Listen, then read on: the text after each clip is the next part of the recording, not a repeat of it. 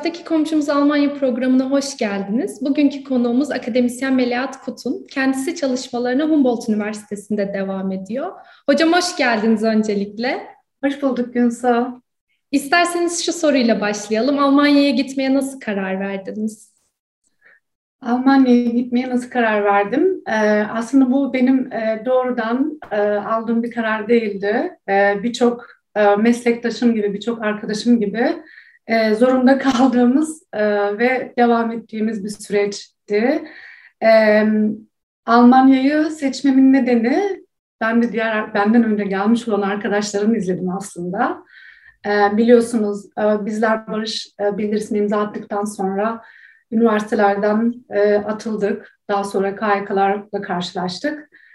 Ben KYK'dan önce atılmıştım ve birçok arkadaşım da zaten buraya gelmişti. Ama buraya gelmeden önce benim bir üç aylık, pardon iki aylık bir Fransa durumum var.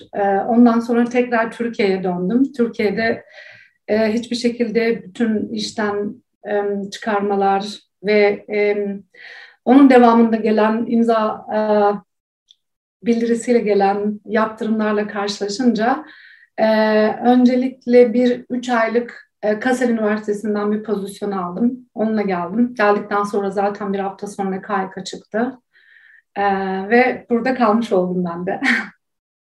Ee, dört yıla yakın bir süredir Almanya'dasınız.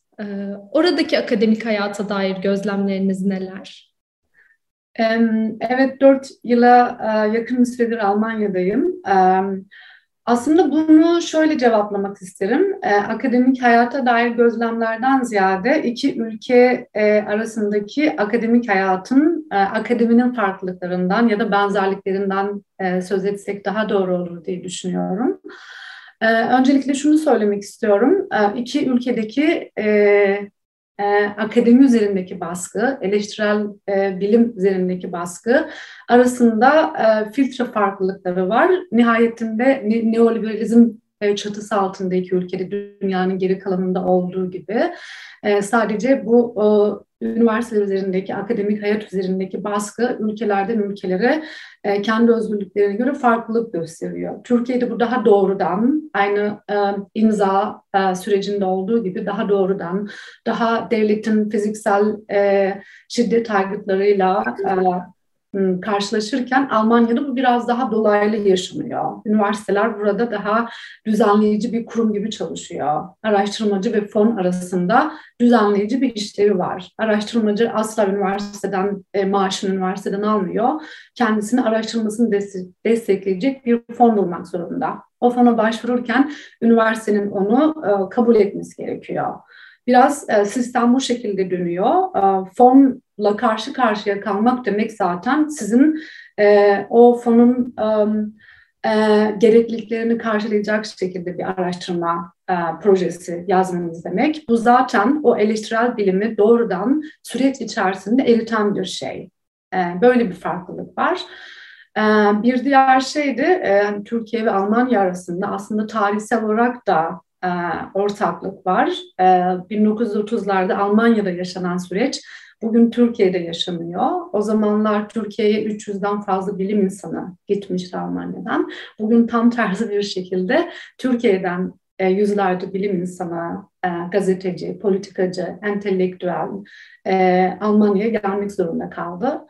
E, bunlardan e, bahsedebilirim ama güvencesizlik, e, ve e, eleştirel bilim üzerindeki baskılar açısından ortaklık olsa da e, en azından 2010'lar öncesinde Türkiye'de şöyle bir farklılık olduğunu söyleyebilirim. E, yani bizler e, en azından eleştirel bilimi mi peşinde koşan, sorumluluk hisseden e, insanlar, entelektüeller e, güvencesizliğe karşı, üniversitelerdeki e, otoriteryen uygulamalara karşı bir direniş halindelerdi. Ve bizler bunun e, az da olsa e, göreli e, olumlu sonuçlarıyla karşılaşabiliyorduk. Bugün e, Türkiye'de maalesef böyle bir ortam kalmadı. Ee, Alman Akademisi'nde de Almanya'daki akademide de zaten böyle bir direniş imkanına çok fazla e, e, imkan yok. E, böyle bir şey söyleyebilirim. Peki hocam alışabildiniz mi yavaş yavaş da olsa? Yani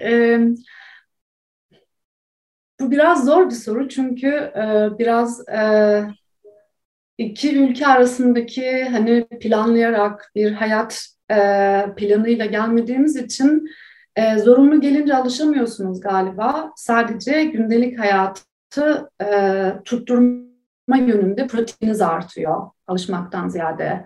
Evet yaşama konusunda ve hayatı sürdürme konusunda bir pratik edinebildiğimizi söyleyebilirim. Ama e, alışmak biraz daha farklı bir şey herhalde.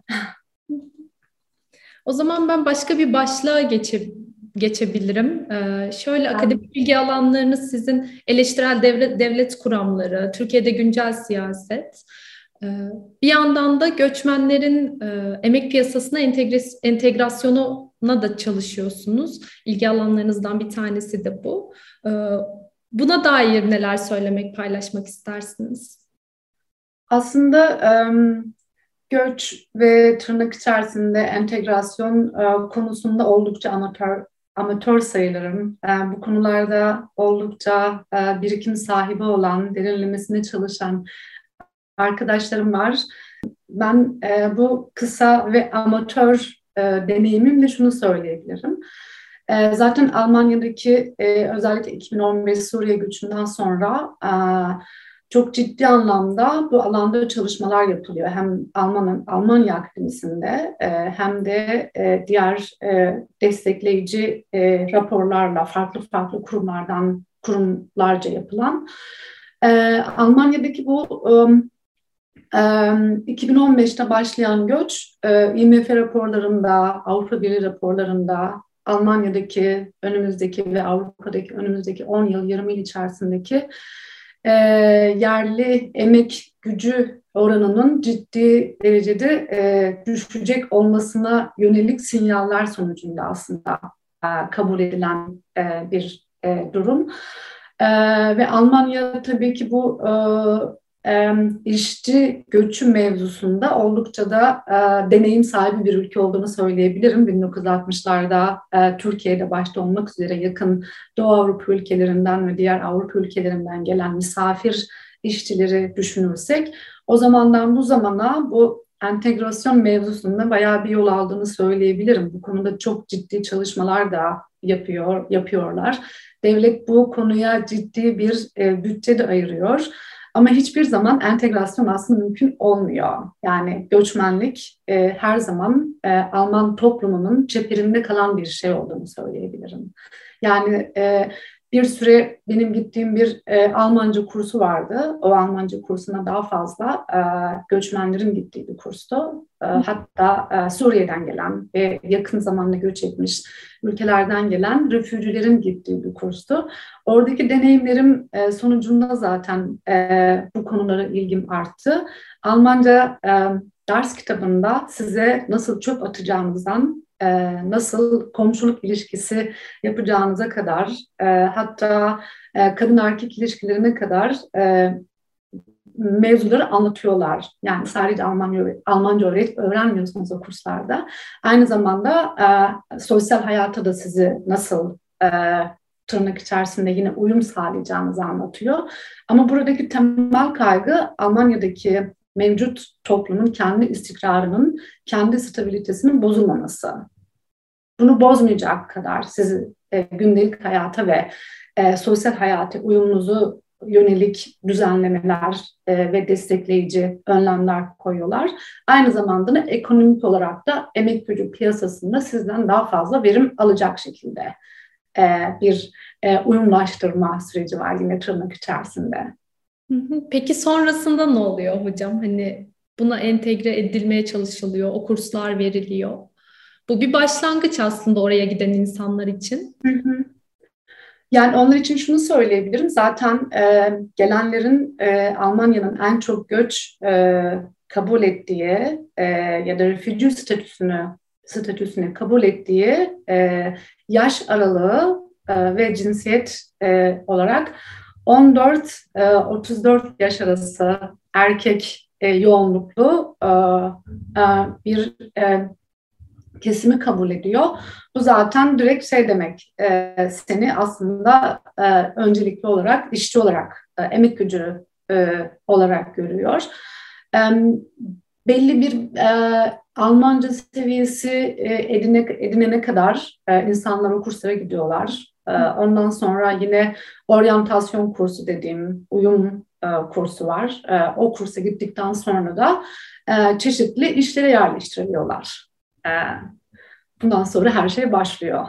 ne kadar entegre olunduğu ya da olunmadığı ya da Almanya'nın tırnak içerisinde entegrasyon politikasını bundan sonra görüyoruz. Hiçbir zaman öyle bir e, tam olarak Alman toplumunun e, ve e, gelenlerin e, kaynaştığı ve e, gerçekten birbirlerini tanıdıkları bir e, e, toplumsal hayat kurulamıyor sanki. Benim gözlemlerim bunlar en azından.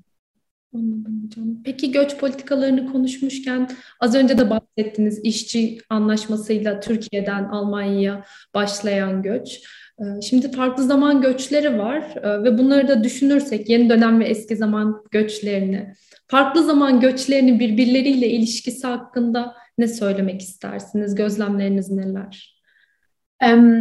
Aslında dediğim gibi göç e, konusunda uzman değilim ama e, size gündelik hayatta birçok arkadaşımın e, ve benim e, karşılaştığımız birkaç örnek anlatayım. E, bu e, üç yani e, Türkiye'den 1960'larda misafir işçi olarak gelen e, göç e, dalgasına, Ondan sonra 1980 ve 90'larda gelen e, siyasal e, göç e, ve en son gelen 2010'lardan e, sonra gelen yeni göç dalgası e, arasındaki farklılığa dair e, bir şey söylüyor.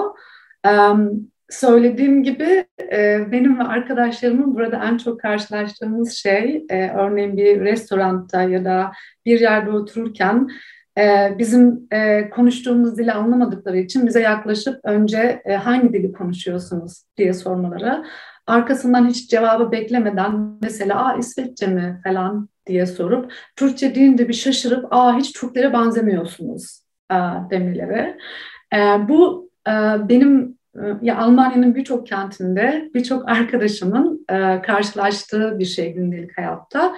Bence bu biraz bu üç farklı göç dalgası hakkında biraz ipucu veriyor. Hatta Almanya'daki önceki ve şimdiki göç e, dalgasının e, farklılıkları hakkında da ipucu veriyor. E, çünkü hani bir sosyoekonomik e, çok ciddi anlamda bir farklılık var. Hani işçi olarak gelmekle buraya e, daha sonrasında özellikle beyaz yakalı e, sınıftan e, ve sosyoekonomik e, background'ı tamamen e, farklı e, bir yerden gelmenin e, sonuçlarıyla karşılaşıyoruz. Sanırım Almanya'da bununla karşılaşıyor. E, yani biz bir türlü inandıramıyoruz Türkiye'den geldiğimizde çoğu zaman. Bazen çoğu zaman şaka yaptığımızı falan e, düşünüyorlar. Bu da onların kafasındaki nasıl bir...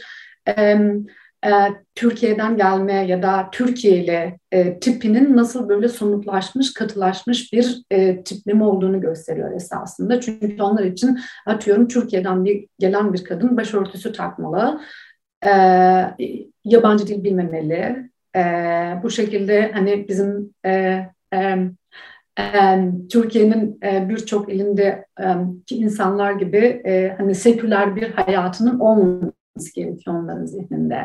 E, Türkiye ile kadın imgesi.